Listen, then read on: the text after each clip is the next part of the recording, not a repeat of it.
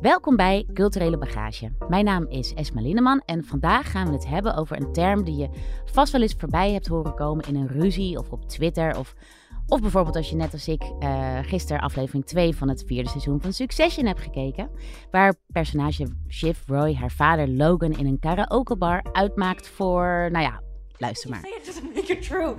Everyone just fucking agrees with you and believes you, so it becomes true. And then you can turn around and say, like, oh, you see? See? I was right. But that is not how it is. You're a human fucking gaslight.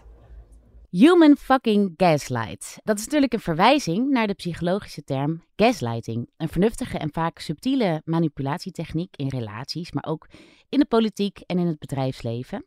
Maar wat is gaslighten nou precies? Uh, wie doet het en waarom? Nou, dat ga ik vandaag allemaal ontleden samen met columnist en mediaverslaggever Emma Curvers. Met Hallo. samen een stuk schreef over gaslighting.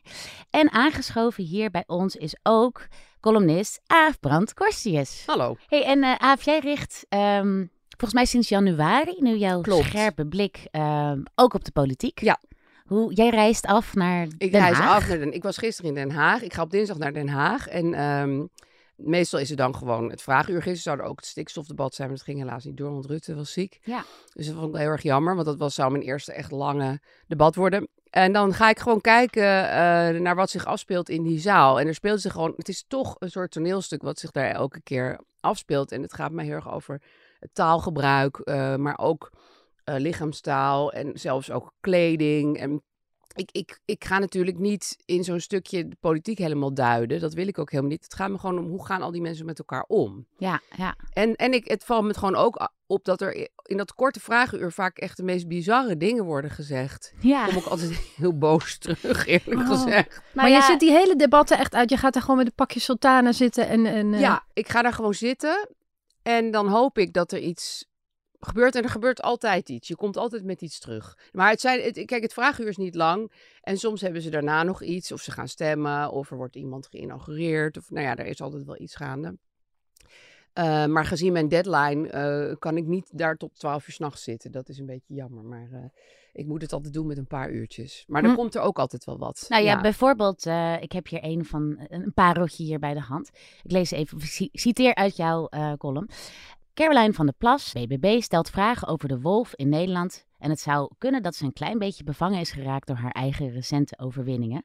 Want ze opent nogal wonderlijk. Ik heb een sjaal om, zegt Caroline van der Plas. En ze ontvouwt de brede sjaal. Ik draag vaak sjaals. En dit is een sjaal met de mouflon erop. Dramatische pauze. En dan, op de Veluwe zijn ze allemaal opgevreten. Ja. Uh, en jij beschrijft ook, de mouflon sjaal is de opmaat van naar een vlammend vragenvuur over de wolf. Uh, hoe kan een sjaal de opmaat zijn naar... Ja, ik, ik vind dat bij haar heel interessant. Je ziet, zij groeit echt zo in haar rol van... Uh, premier. Ja. maar even zo. Eerst was ze nog een beetje onopvallend. En ik zie haar echt in deze maanden zelfs. Nu, ik, ik hou haar pas sinds januari echt goed in de gaten natuurlijk. Eerst zat ze meer achter de, achter de bureautje, achter de tafeltje. Nu loopt ze steeds grotere rondjes door die kamer. Nu wil ook iedereen met haar praten.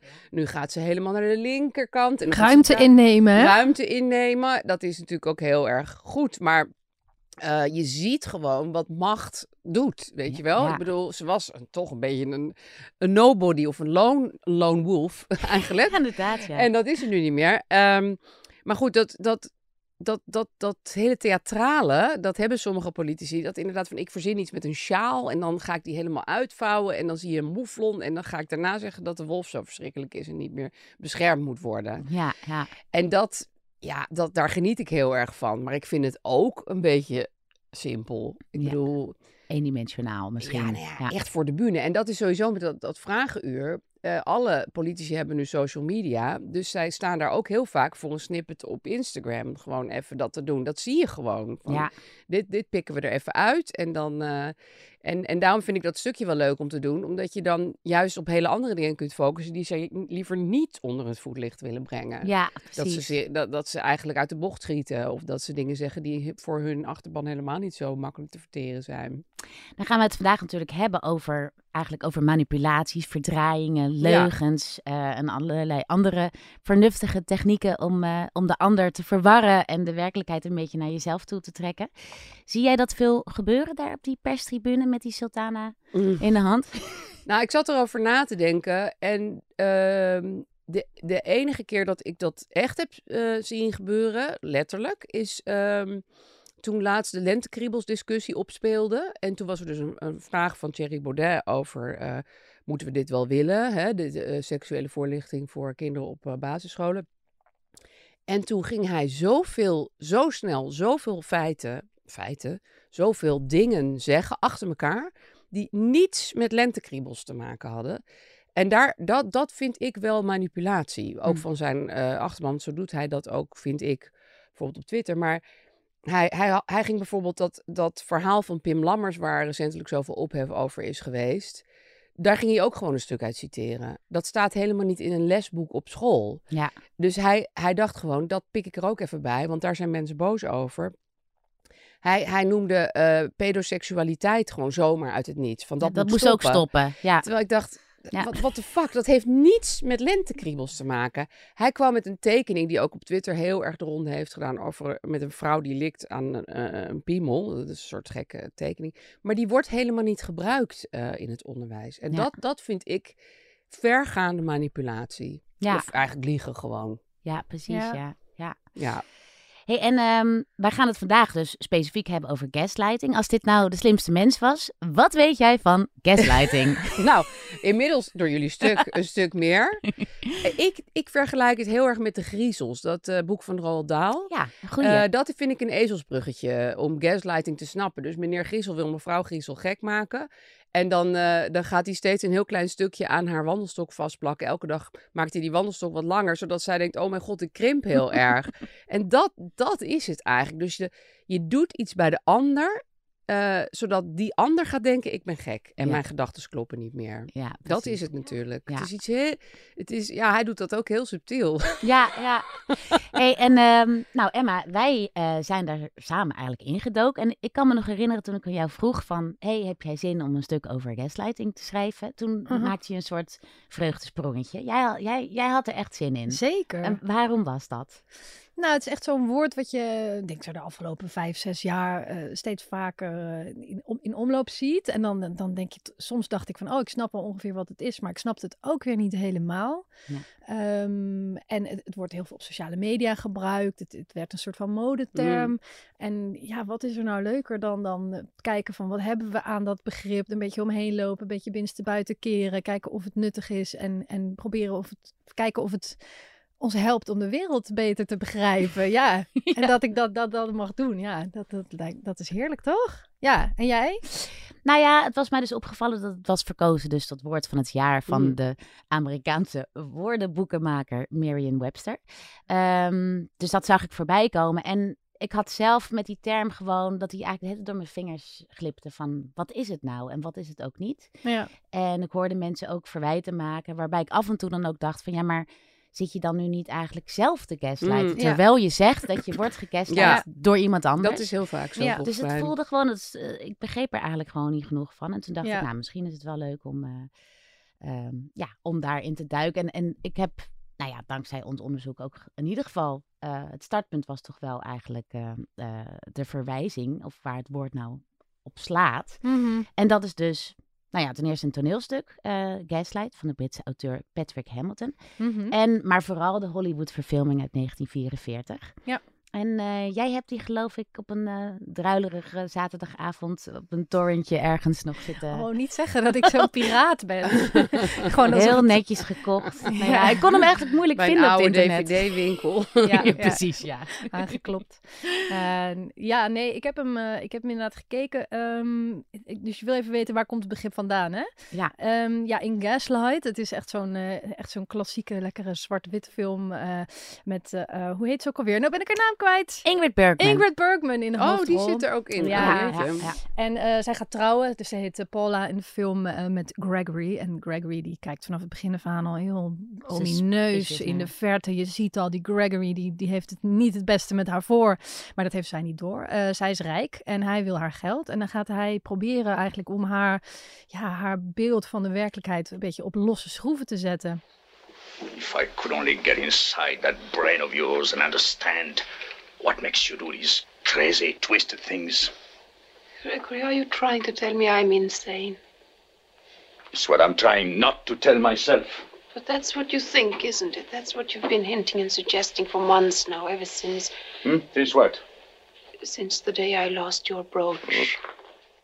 Ze heeft het over een broche. Wat is daar precies gebeurd? Ja, hij gaat steeds kleine dingetjes doen eh, om haar te verwarren. Dus op een gegeven moment geeft hij haar een broche cadeau. Dan zegt hij, oh, die broche is kapot. Eh, ik moet hem nog even laten maken. Ik doe hem in je tasje.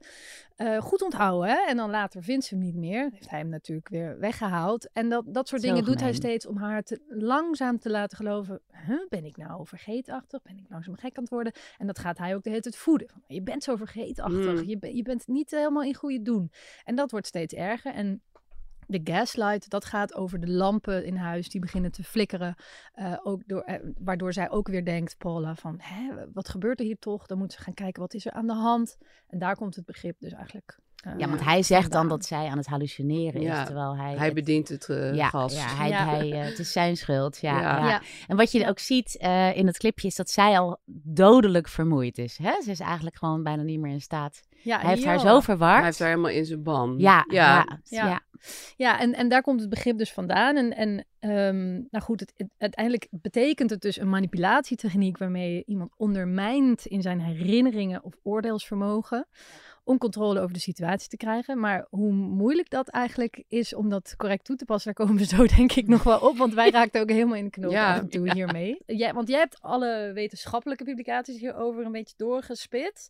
Eh, wat kwam je toen allemaal tegen? Nou ja, ehm, oké, dus deze film, The Gaslight, kwam dus in 1944 uit. En toen ben ik gaan kijken van eh, hoe is dat nou eigenlijk de wereld van de psychologie en de, en de sociale wetenschappen ingedruppeld, zeg maar. En eigenlijk was een eerste publicatie waarin echt het, gaslight effect of gaslighting eh, wordt genoemd als zodanig. Een publicatie uit 1969. En dat ging dan over mensen die dus ja, door hun familieleden of partners moedwillig ehm, ja, de psychiatrische eh, kliniek in waren ge- ge- geduwd, zeg maar. Dus die waren vergek verklaard en vervolgens eh, ja, dus eigenlijk opgenomen, gedwongen, terwijl ze, er eigenlijk niks met ze mis was eh, vanwege financiële redenen of omdat ze gewoon van hun eh, hulpbehoevende oude tante af Ja. wilden komen. Ik las ook in jullie Ja. stuk dat mannen dat ook deden om van hun vrouw af te komen. Ja, en daar heeft Dolly Parton zelfs een, een liedje over geschreven.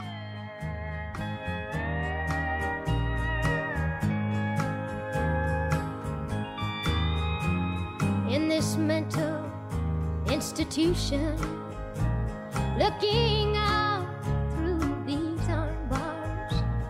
How could he put me in here?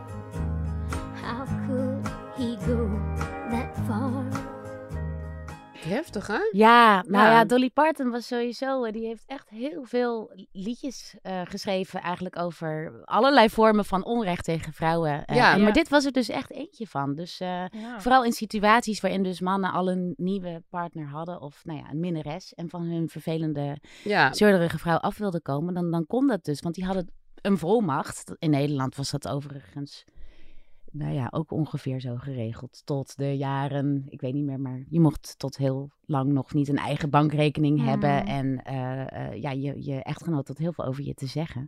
Dus dit kon gewoon. Ja. Ehm, nou, en in de decennia daarna wordt dat begrip steeds vaker van stal gehaald om manipulatie, vooral in de relationele sfeer, te beschrijven. Dus ik vond ook andere publicaties, eh, nou ja, bijvoorbeeld de paper Gaslighting and Marital Syndrome. En dat ging dan eigenlijk over een toch wel bekende situatie waarin eh, in het geval van die paper de, de echtgenoot was vreemd gegaan, maar, die, maar de vrouw ervan betichtte, beschuldigde dat zij gek was geworden. Ja, het zit allemaal in is eigenlijk hoofd. jouw schuld. Dat is natuurlijk En ook hoe heel durf erg, je eh, mij gaslighting. eh, ja. daarvan te beschuldigen? En jij ziet spoken en jij bent gek. Eh sounds familiar? Is dat iemand hier wel eens overkomen? Ja, Ja, Ja. Nou, en ook in werksfeer wel, vind ik hoor. Ja. Dat als jij eh, op het werk ruzie krijgt met iemand, dat diegene gaat proberen te doen alsof jij knettergek bent. Ja. Dus dat het niet zo is van, nou, we hebben hier gewoon een, een meningsverschil. Nee, de een is gewoon deluded en snapt niet meer hoe het zit. En dat is natuurlijk een hele handige techniek. Ja. Want dan zet Ja. je iemand eigenlijk een soort van buitenspel. Dan Zeker. moet die ander gaan bewijzen dat ze niet gek is. Ja. Terwijl je eigenlijk ben je, dus dan ben je een hele andere argumentatie ineens ingedwongen. Ja, en dat, Dat is is, ook mij bel- wel overkomen. En dat is ook inderdaad een belangrijk verschil, denk ik, tussen zeg maar eh, het niet met elkaar eens zijn en gaslight. Want gaslight is, is niet alleen zeggen van ik, ik vind het waardeloos wat jij zegt. ik Nee, ben- maar je maar bent- jij bent, er is iets met jou aan ja, de jouw hand. Werkelijkheidsperceptie klopt gewoon Ga jij niet maar eens eventjes in de spiegel kijken, Ja. Aaf? Ja. Dat is Wat jij nu doet, Ja. ja. Ja, en het voordeel voor de gaslighter is dat hij eigenlijk zelf niks hoeft te veranderen aan de situatie. Hè? Die, die, hem, treft, hem, haar treft geen blaam. eh, het ligt helemaal bij Nee, die het ligt ander. allemaal bij de ander. Ja. Ja. Nou, in de jaren 1000 eigenlijk, of in 2007, werd het begrip echt groot. Eh, en dat kwam dan weer door het boek The Gaslight Effect, geschreven door psychoanalist Robin Stern. Eh, verbonden aan Yale. En wij hebben haar ook eh, gesproken voor het stuk. Nou, zij definieert gaslighting in haar boek en ook in haar podcast als volgt. In simplest terms, to gaslight means to intentionally seek to undermine another's confidence in their own reality by denying facts, the environment, and even feelings. By switching a conversation into a force of powerful criticism of the gaslightee's character or reputation or adequacy. Does any of this sound familiar? Have you experienced it? Have you witnessed it? You probably know the Nou ja, dus vooral ook dat, dat switchen, hè? Van dat je hebt een normaal gesprek en opeens gaat het alleen nog maar over wat jij allemaal verkeerd hebt gedaan. En dat, het, dat je eigenlijk wel heel erg op je moeder lijkt als je je zo gedraagt. En, Ja, eh, en ook wat zij zegt ja. over een ander zelfs zijn gevoelens. Ja. Eh, bijvoorbeeld iemand heeft wel eens tegen mij gezegd, toen ik een gevoel had geuit, eh, maar niet elk gevoel is waar, hè? Oh ja. Eh, zei ja. hij toen tegen mij. En toen Oh. dacht ik, hè? Je gaat nu gewoon zeggen dat mijn gevoel niet waar is. Dat kan natuurlijk helemaal niet. Bedoel, je kan het er niet mee eens zijn, maar je kan niet zeggen, jouw gevoel is niet waar. En dat vond ik wel echt vergaand. Welke slimbo zei dat? Nou ja, maar dat zit dus ook in haar definitie, want ze Ja. zegt even feelings. Ja, Ja, ja, ja, ja, het klopt niet en het zit allemaal in je hoofd. ja. Ja. Nou ja, en in haar boek eh, heeft ze het eigenlijk ook over verschillende fases hè, van gaslighting, Emma. Eh, Ja, hoe zat ja. het ook alweer? Ja, die, hebt- die fases die, die zagen we ook dus bij Paula in, in eh, de, De film. Gaslight, in ja. de Gaslight. En ehm, ja, eerst, eerst gaat iemand echt in ontkenning van nee, huh, ik ben helemaal niet vergeetachtig. Eh, hoezo? Eh, dat zegt Paula dan. Hè? Of ik ben helemaal niet wat jij zegt dat ik ben. Dan gaan ze in verzet. Dan krijg je een soort van strijd eigenlijk. Die Robin Stern dan ook de Gaslight Tango, Tango noemt. noemt, ja. ja. En dan uiteindelijk komt er toch overgave aan de realiteit van de ander. En dan kan zo iemand echt eh, ja, zijn of haar gevoel van, van, van zelf helemaal kwijtraken van de eigen identiteit. En heel wankel worden. Ja, precies. Ja. Maar je leest dat wel natuurlijk vaak. Oh, het, het zijn ook vaak. Het overlapt best wel met narcisten, denk ik. Ja, Ja. Eh, en narcisten willen natuurlijk vaak in het begin heel erg leuk gevonden worden. En Mhm. stellen dus ook alles eh, zo op van ik ben gezellig en ik ben lief en ik ben vrijgevig. Mhm. Maar op een gegeven moment houden ze dat, dat, dat dan gewoon niet meer vol. En dan gaan ze vol on negatief worden Ja. tegen iemand. Maar omdat je zo lang op dat voetstukje hebt gestaan, snap je helemaal niet hoe iemand zo kan veranderen. En denk je, nee, maar hij, hij was zo lief, hè? of zij was zo lief. En, en dat, dat, dat, her, dat vind ik wel een herkenbare persoonlijkheidsstructuur, zeg maar. Ja. Dus die, die, die, dat mechaniek zie ik wel. Ja, nee, de, de, de overlap met het verband met narcisme is echt heel erg duidelijk. Ja, En daar eh, had Robin Stern het ook wel over. Hè? Maar het is ook weer niet zo dat alle narcisten gaslighters Nee, zijn. of alle en iedereen die gaslighters gaslight een narcisten. narcist is. Nee. Dus dat, het is best eh, lastig. ja. Eh, we spraken daar ook Iris Koops over. Die spreekt wel van narcistische mishandeling, geloof ik. Zij is ook een behandelaar van eh, ja, slachtoffers van gaslighting. Hmm. Ja. Maar het, het heeft zeker een, een samenhang met Ja. Maar je kunt dus ook gaslighten als je geen narcistische trekken hebt. Ja. Eh, eh, Ja. En, en, en er zijn dus ook narcisten die, die zich niet van deze techniek bedienen, zeg maar. Dus dat Ja. is wel... Het, is, het heeft zeker verband met elkaar, zeg maar. Iemand bij wie het denk ik wel iets duidelijker is... en, en die het fenomeen gaslighting echt heel groot heeft gemaakt... is natuurlijk eh, eh, Donald Trump. Mm. Mm. Ehm, die bedient zich werkelijk van alle eh, gaslightende technieken door, eh, nou ja, bijvoorbeeld zijn tegenstanders, eh, en dat zijn vaak ook vrouwen, eh voor gek te verklaren of als gestoord of ehm, als waar iets volledig mis mee is. These people are sick. Pelosi is a sick woman. She's got a lot of problems, a lot of mental problems. We're dealing with people that have to get their act together for the good of the country. Okay, thank you very much. Ja, het, kan, het is echt bizar. Hier zijn ook hè? zoveel voorbeelden Ja. van te vinden van Trump. Die vrouwen als, eh, nou ja, gewoon labiel, gestoord, gek, Hysterisch, ja, Ja, liegend. Ja, ja, ja. Ehm, dus, nou ja, goed. Toen hij eh, president werd in dat jaar, toen ging gaslighting eigenlijk pas echt helemaal viraal. En toen eh, werd het ook verkozen tot most useful word van het jaar. En sindsdien eh, ja, zitten we er aan vast eigenlijk. Hmm. Ehm, en eh, worden er zelfs liedjes over, weer nieuwe liedjes over gemaakt. Denier, doing anything to get your ass farther. Gaslighter, big timer, repeating all of the mistakes of your father. We moved to Wat is dit? Dit zijn Dixie Chicks zie ja, ik. Ja, ik ken ja. dat liedje helemaal niet. Ja, het Oh. zijn, nou ja, ze heet inmiddels de Chicks, maar Oh. daarvoor noemden ze zichzelf de Dixie Chicks. Ook Nou. eh tegenstanders van wel, Trump, ja. Ja. overigens. Hey, en eh, nou ja, eh, Trump heeft dus zeg maar gaslighting echt die politieke arena inge, ge- ja, Ja. ge- geduwd, zeg maar. Hmm. Maar wat is nou het verschil tussen gaslighting in de relationele sfeer en gaslighting zoals Trump dat doet? Wij, wij spraken daar ook over met een onderzoeker, Natasja Rietijk. Wat Ja. zei zij daar ook weer over? Ja, zij deed eh, onderzoek naar gaslighting in die, in die collectieve eh, vorm eigenlijk. Bij relationeel gaslighten kunnen we zeggen dat het echt om gaat die die ander probeert te ontwrichten, zeg maar. Ja. Eh, maar collectieve gaslighting eh, ziet er weer wat anders uit. Dan zou je dus eigenlijk... Wat best moeilijk is, eh, is dat je het moet hebben over waar je de drempel legt. Wanneer gaat iets dan eh, gaslighting heten in de politieke arena? Als je, de, als je dat te makkelijk gebruikt, dan verliest het woord eigenlijk Mm. een beetje aan betekenis. Kan je het voor alle manipulatie gebruiken. Wat natuurlijk politici eh, ook doen. Dat Ja. is onderdeel ook van het politieke vak bijna. Om in ieder Ja. geval te, te, te twisten en te turnen. En in ieder geval, ja. Ja, maar dan verliest het woord eigenlijk ook weer een beetje zijn betekenis. Dus je, dus je zou kunnen zeggen dat je het echt gebruikt voor ehm, gevallen waarin je eh, de opvattingen van mensen probeert twijfel te zaaien over wat zij weten dat de waarheid is. En, en Trump is daar eh, inderdaad een kampioen in, maar eh Natasja Rietijk be- benoemde ook de desinformatie rondom het neerhalen van de MH17 bijvoorbeeld. Dat je echt zorgt dat mensen denken van, hè, ik, ik, dit zat toch zo? Dit, eh, echt gaan twijfelen Ja. en hun stappen na- terug gaan zoeken van, oh, eh, dat, nou, dat herkennen we denk ik allemaal wel. ja, want bijvoorbeeld met, met desinformatie, bijvoorbeeld dus over de MH17. Wat zij dan beschreven is dat, dat er gewoon vanuit het Kremlin zoveel eh, verschillende theorieën eigenlijk op de, ja, op, op de massa zijn losgelaten. Ja. Dat je op een gegeven moment zo'n zo'n moedeloos gevoel Ja. krijgt van ja... eh, pff, Nou, dat was in niet. coronatijd ook heel, Ja. heel hard aan de hand. van, nou ja, ja. het- ik, kan, ik zal er nooit helemaal achter komen Nee. hoe dit zit. Want eh, ja, hij zegt dit en dan Ja. blijkt weer en uit daarmee dit maak filmpje je dat. mensen natuurlijk ook een soort machteloos. Ja, omdat ze geen ja. informa- Dat zie Ja. je natuurlijk ook in Rusland. Mensen weten helemaal niet meer waar ze zich aan vast moeten houden. Ja. En dan kan je een volk temmen. Ja, en dat Ja. is eigenlijk dan een vorm van collectieve gaslighting. Want ze, de- je, je ontwricht ze wel degelijk, waardoor je ze eigenlijk ook in je, in je macht krijgt. Zeg maar. Ja. Dat is zo, Ja. zo beschreef zij dat. Ja, Ja. En als je dan eh, dat beschouwt, gebeurt dat in Nederland, denk jij ook? Zeker. Ja. Ja, ik, ik, ik, kijk, dat, he- dat, ja, dat hele gedoe met complottheorieën en desinformatie, dat is natuurlijk al, dat is heel oud, maar het is natuurlijk nu veel makkelijker. Ik bedoel, je, je, je plaatst één tweet en, eh, en je bent er, zeg Ja, maar. ja. En ik las toevallig, dat was, stond ook in de Volkskrant, dat het als een soort virus is, desinformatie.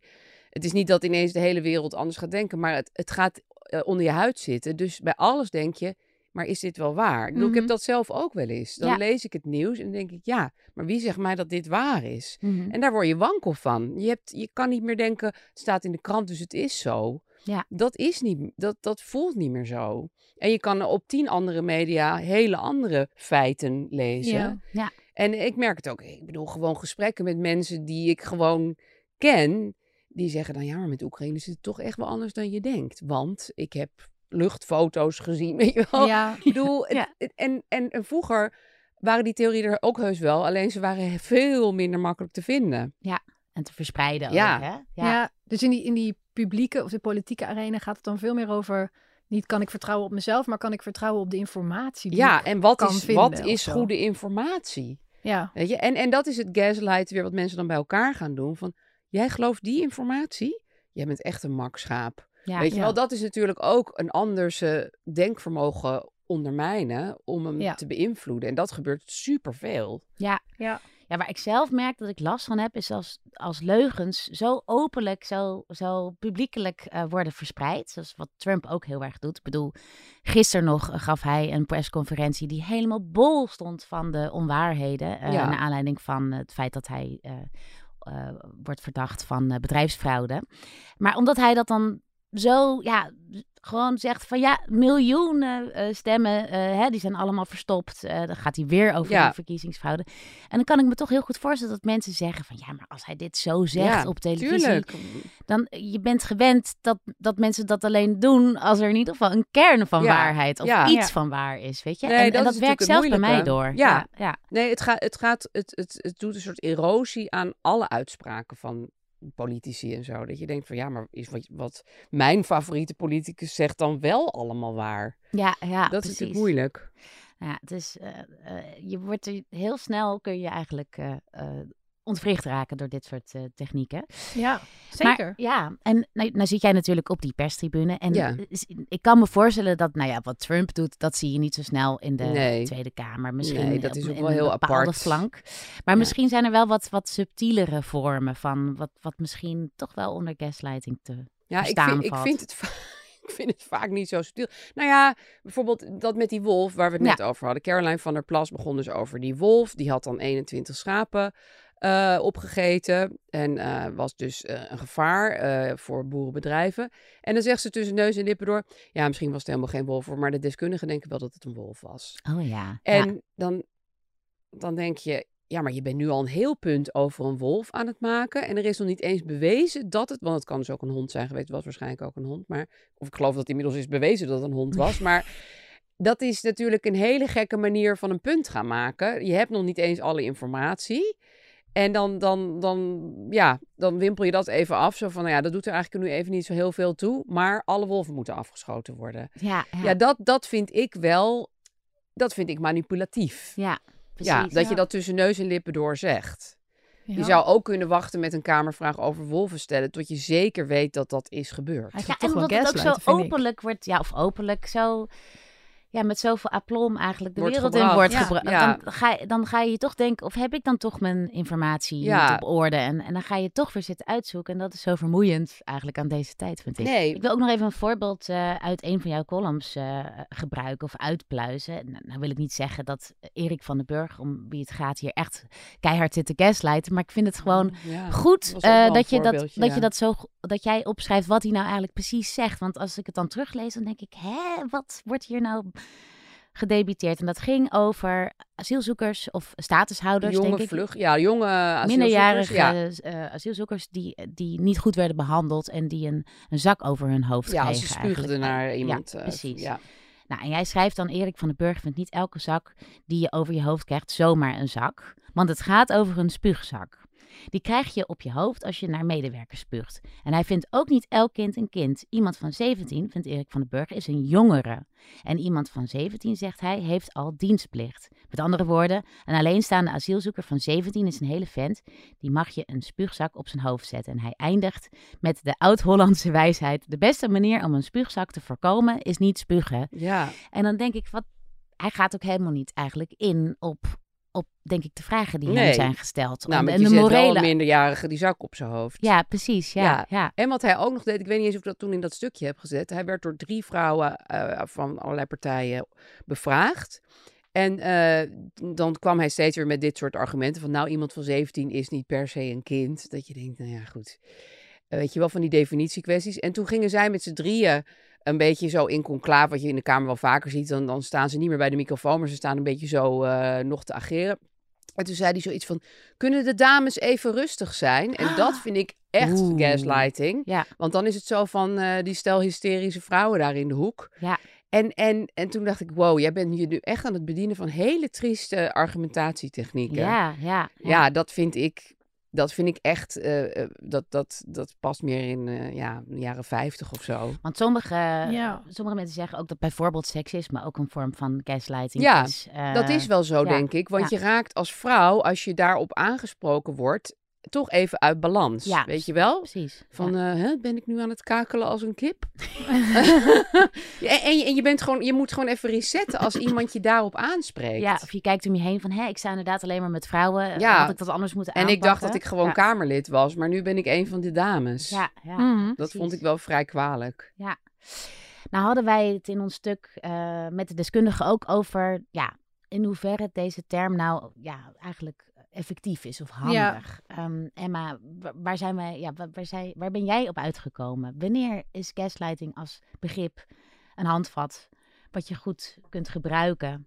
En wanneer werkt het nou eigenlijk helemaal niet? Ja, het is best wel lastig, want het blijft best een glibberig begrip. Van wil je het nou ook toepassen voor kleinere manipulaties of wil je het echt bewaren voor grote verwarring? En eh, dat, dat is al lastig. Daarnaast is het als je in gesprek bent met iemand, vaak iets wat alleen maar olie op het vuur gooit. Dan moet je eens op Twitter proberen bijvoorbeeld tegen Mm. iemand te zeggen dat je aan Ja. het gaslighten bent. Dan is dat vaak niet echt productief. Nee. Ehm, ja, plus dat, dat, dat zei jij ook al van. Je zult zelden een gaslighter hebben die zegt van... eh, Verdomd. van, Inderdaad. nou, Ja. daar heb jij nou ja, maar echt dat is een natuurlijk ook als je tegen Ja. iemand zegt je liegt. Dan Ja. zegt hij ook nooit, eh, oh ja, ja, ik lieg. Dat, Nee. Ja, dat soort verwijten, dat komt Want dat gaslighten, als je dat dus zegt tegen iemand, dan wordt dat, dan wordt dat verwijt ook deel van die tango, hè, Ja. die, die dat dan is. En, en ik denk dat het begrip wel, wat wij dan tenminste van de deskundigen ook hoorden, nuttig kan zijn voor slachtoffers om te gaan begrijpen wat hen Wat er is overkomt. overkomen. Ja, precies. Eh, en te gaan doorzien van, hé, hey, weet je, wat die na kunnen lopen wat, wat er is gebeurd. Ehm, en eh, wat Robin Stern ook zei van, nou, het is al heel lastig om dat te bepalen of gaslighting aan de hand is voor een slachtoffer. Dan is er nog die begripsverwarring, dus je moet het niet te licht gebruiken, want dat zij zei van, dan, dan verliest het begrip ja, een soort inflatie. Ja, Ja, Ja, maar voor zeker. bepaalde situaties.